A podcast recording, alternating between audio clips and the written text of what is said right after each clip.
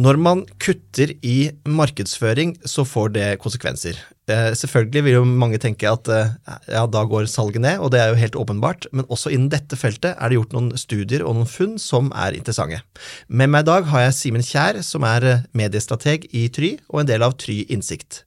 Så jeg begynner egentlig med lette spørsmålet. Simen, hva er det som skjer når du kutter investeringene i markedsføring?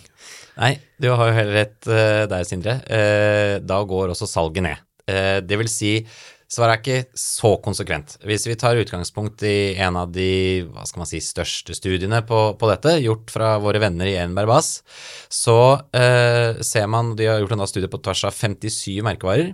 Eh, både store merkevarer og små merkevarer, eh, og også litt sånn hva skal man si, livssyklus, altså hvorvidt de, de selger uh, mer og mer, altså de øker eller de, eller de, går ned.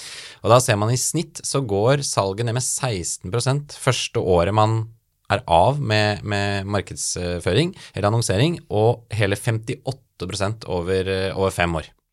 Men det understreker vel et annet poeng som kommer ofte opp, og det er jo at nettopp investering i merkevarebygging og markedsføring er en langsiktig effekt. For det som jeg syns er litt spennende i studiene, er jo nettopp at du ser, ser det kanskje ikke på mest på måned én eller uke én, men du ser det over eh, sikt. Er ikke det som også funnes her? Helt riktig. Eh, spesielt for de store, kjente merkevarene, så, så, skjer det faktisk ikke eh, På flere så skjer det ingenting eh, det første året. Og også merkevarer som er veldig på vei oppover, altså som øker veldig, de ser ikke noen, noen nedgang i det hele tatt. Du kan jo si at da, hva har de gått glipp av, men, men det er ikke en nedgang eh, før det da går flere år. Så, så, merkevarer som er store og sterke, vil ikke se dette med en gang, og merkevarer som er veldig oppadgående. Så er det motsatt for de små merkevarene. Eh, der er fallet ganske med en gang, og spesielt merkevarer også som allerede før de kutter annonseringen, selger litt mindre, de faller også mye brattere. Så det er det som er innsikten fra, fra denne studiet. For det er jo sannsynligvis ganske relevant diskusjon i mange selskaper og konsern. Eh, fordi man tenker at eh, de lette kostnadene å kutte, det er på eh, markedsføring. Og så venter du deg en måned, så har du ikke oppnådd det. Altså, så ser man ja, salget har ikke forsvunnet pga. Det, det her. Helt riktig. Og når man skal måle det opp mot andre typer kutt, hvor det er mer, et mer én-til-én-forhold, så er det jo fort gjort å tenke nå kutter vi markedsføring, merker ikke noe måned én og to, men du får smellen egentlig år etter, eller noen måneder etter? Ja, absolutt. Og, og, og det, det, vil jo være fristende det for en CFO eller en organisasjon å, å kutte i, i uh, investeringene i annonsering uh, for å øke lønnsomheten på, på kort sikt. Uh, men så ser vi jo dette studiet her også, at, at du vil få en smell over tid. Og det som også er da, er at det vil jo også være tyngre å jobbe seg opp igjen. Og litt om bakgrunnen for hvorfor det er sånn, da, er jo det som Det er jo rett og slett at når man er av så, så, brytes disse båndene i hjernen. Du, du som, som, forbruker glemmer produktet litt. I tillegg til at konkurrentene dine kanskje nudger og tar litt. Så dette går rett inn i den teorien vi har snakket om her tidligere også, fra, fra Bayern Sharp. ikke sant? Du skal påvirke de som eh, kjøper deg litt eller i liten grad, eh, og du skal påvirke de hele tiden, minne de på. Så, så det er jo også uh, teorien bak dette, hvorfor det skjer. Så det er litt sånn selvforklarende på en måte. Og her snakker vi da om, for å nerde litt, da, her snakker vi om dette som handler om mental tilgjengelighet. Yes. Yes, og det er rett og slett at du eh, et eller annet sted i hodet uh, har, uh, har, noen huskelapper. Yeah. Og hvis den huskelappen går bort, yeah. så glemmer du det produktet og yeah. kanskje velger noe annet. Helt riktig. Du må holde den ved like. da. Kall det gjerne mental tilgjengelighet eller mental markedsandel. Den må du holde, holde ved like. Og så er det naturlig at store merkevarer blir ikke glemt så fort som, som de små, men, men det, er, det er grunnen, grunnen som ligger bak. Og så kan vi jo tenke Nå har vi jo gått litt gjennom hva som uh, skjer hvis du stopper å annonsere, og det er jo sjelden helt aktuelt for noen. De stopper ikke helt, men stopper litt. Men effektene vil jo være noe av det samme. Og så er det jo, uh, når man skal begrunne, som mange gjør nå, hvorfor vi skal satse på mer uh, markedsføring, og så vil du da få spørsmål fra CFO-en eller andre, hvordan kan vi dokumentere at dette kommer til å ha effekt på salg? Ja. Og der kommer vi da til salgsmodellering. Kan du gi meg et lynkurs på det? ja, det kan jeg gjøre. Eller én ting er å øke budsjettene, men i hvert fall beholde budsjettene. da.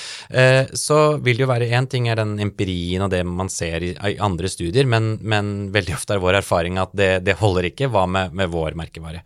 Og da eh, har vi gjort nå mye salgsmodellering, hvor man ser disse, eh, eller effekten av medie- og kommunikasjonsinvesteringene på uh, den aktuelle merkevaren.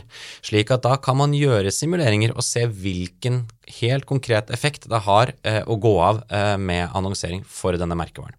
Og så er det jo litt sånn med salgsmodellering. Det har jo lenge vært sånn å fy søren, det er sabla dyrt og krever veldig, veldig mye og er vanskelig og orker ikke forholde seg til.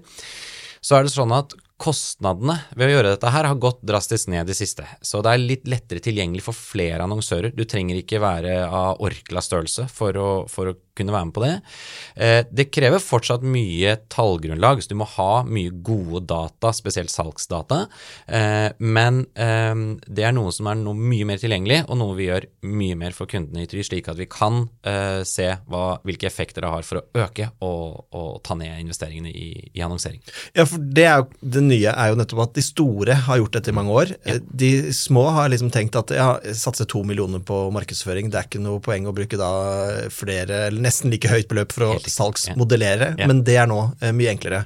Men hva er det dere konkret gjør eh, hvis det kommer en kunde til dere og sier mm. eh, ok, jeg vurderer, jeg må få gjennomslag i min ledergruppe mm. for å øke markedsføringen betydelig, mm. mm. men jeg trenger noe dokumentasjon utover en, at det er gøy å drive og markedsføre.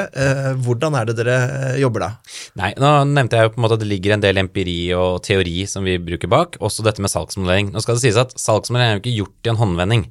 Eh, og, og, det trengs jo Vi bruker gjerne data lang tid tilbake for å bevise dette. Så det er klart at det skal, skal CFO-en ha svar i morgen, så er det litt, litt, sent ute. Men det er derfor også vi snakker nå om å implementere salgsmodellering fra andre effekter. Og, og bare kort, du spurte om hva dette er. Dette er jo en regresjonsanalyse som, som viser hva som påvirker salg, eh, historisk sett. Eh, hvor da eh, investeringer i markedsføring og media er én av de, ikke sant. Hver er en annen, hva konkurrentene gjør, covid, resesjon, eh, inflasjon osv., osv., osv.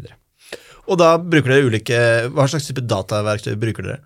Nei, da har vi eh, Det finnes jo uh, litt forskjellige leverandører på dette. Uh, som sagt så har jo ting blitt litt rimeligere og mer tilgjengelig.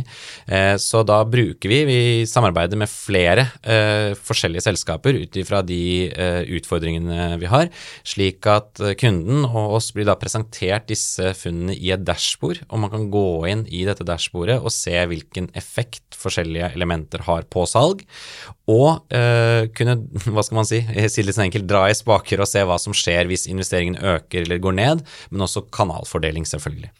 Og der har man jo en fordel hvis man klarer å følge dette over tid, for da blir man mer oppmerksom på hva som uh, fungerer og hva som ikke fungerer, både når det gjelder det kreative, men også selvfølgelig hvilke kanaler man uh, bruker. Ja, og, mod og, modellen blir jo mye mer robust desto mer data du har.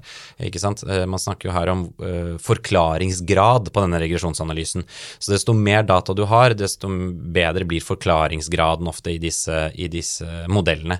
Og så skal det sies at nå, det jo, nå skjer det jo veldig mye i verden.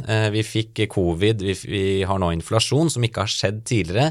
og Dette påvirker jo også modellene, men, men igjen, desto mer data man har, og står over lengre tid, så vil man også kunne legge inn disse elementene. Hvor mye hadde, har f.eks. inflasjon å si på salg, eller, eller covid. Du, tusen takk for denne korte og gode samtalen. Så ses vi sikkert snart igjen. Takk, Simen Kjær. Jeg håper det. Takk for den.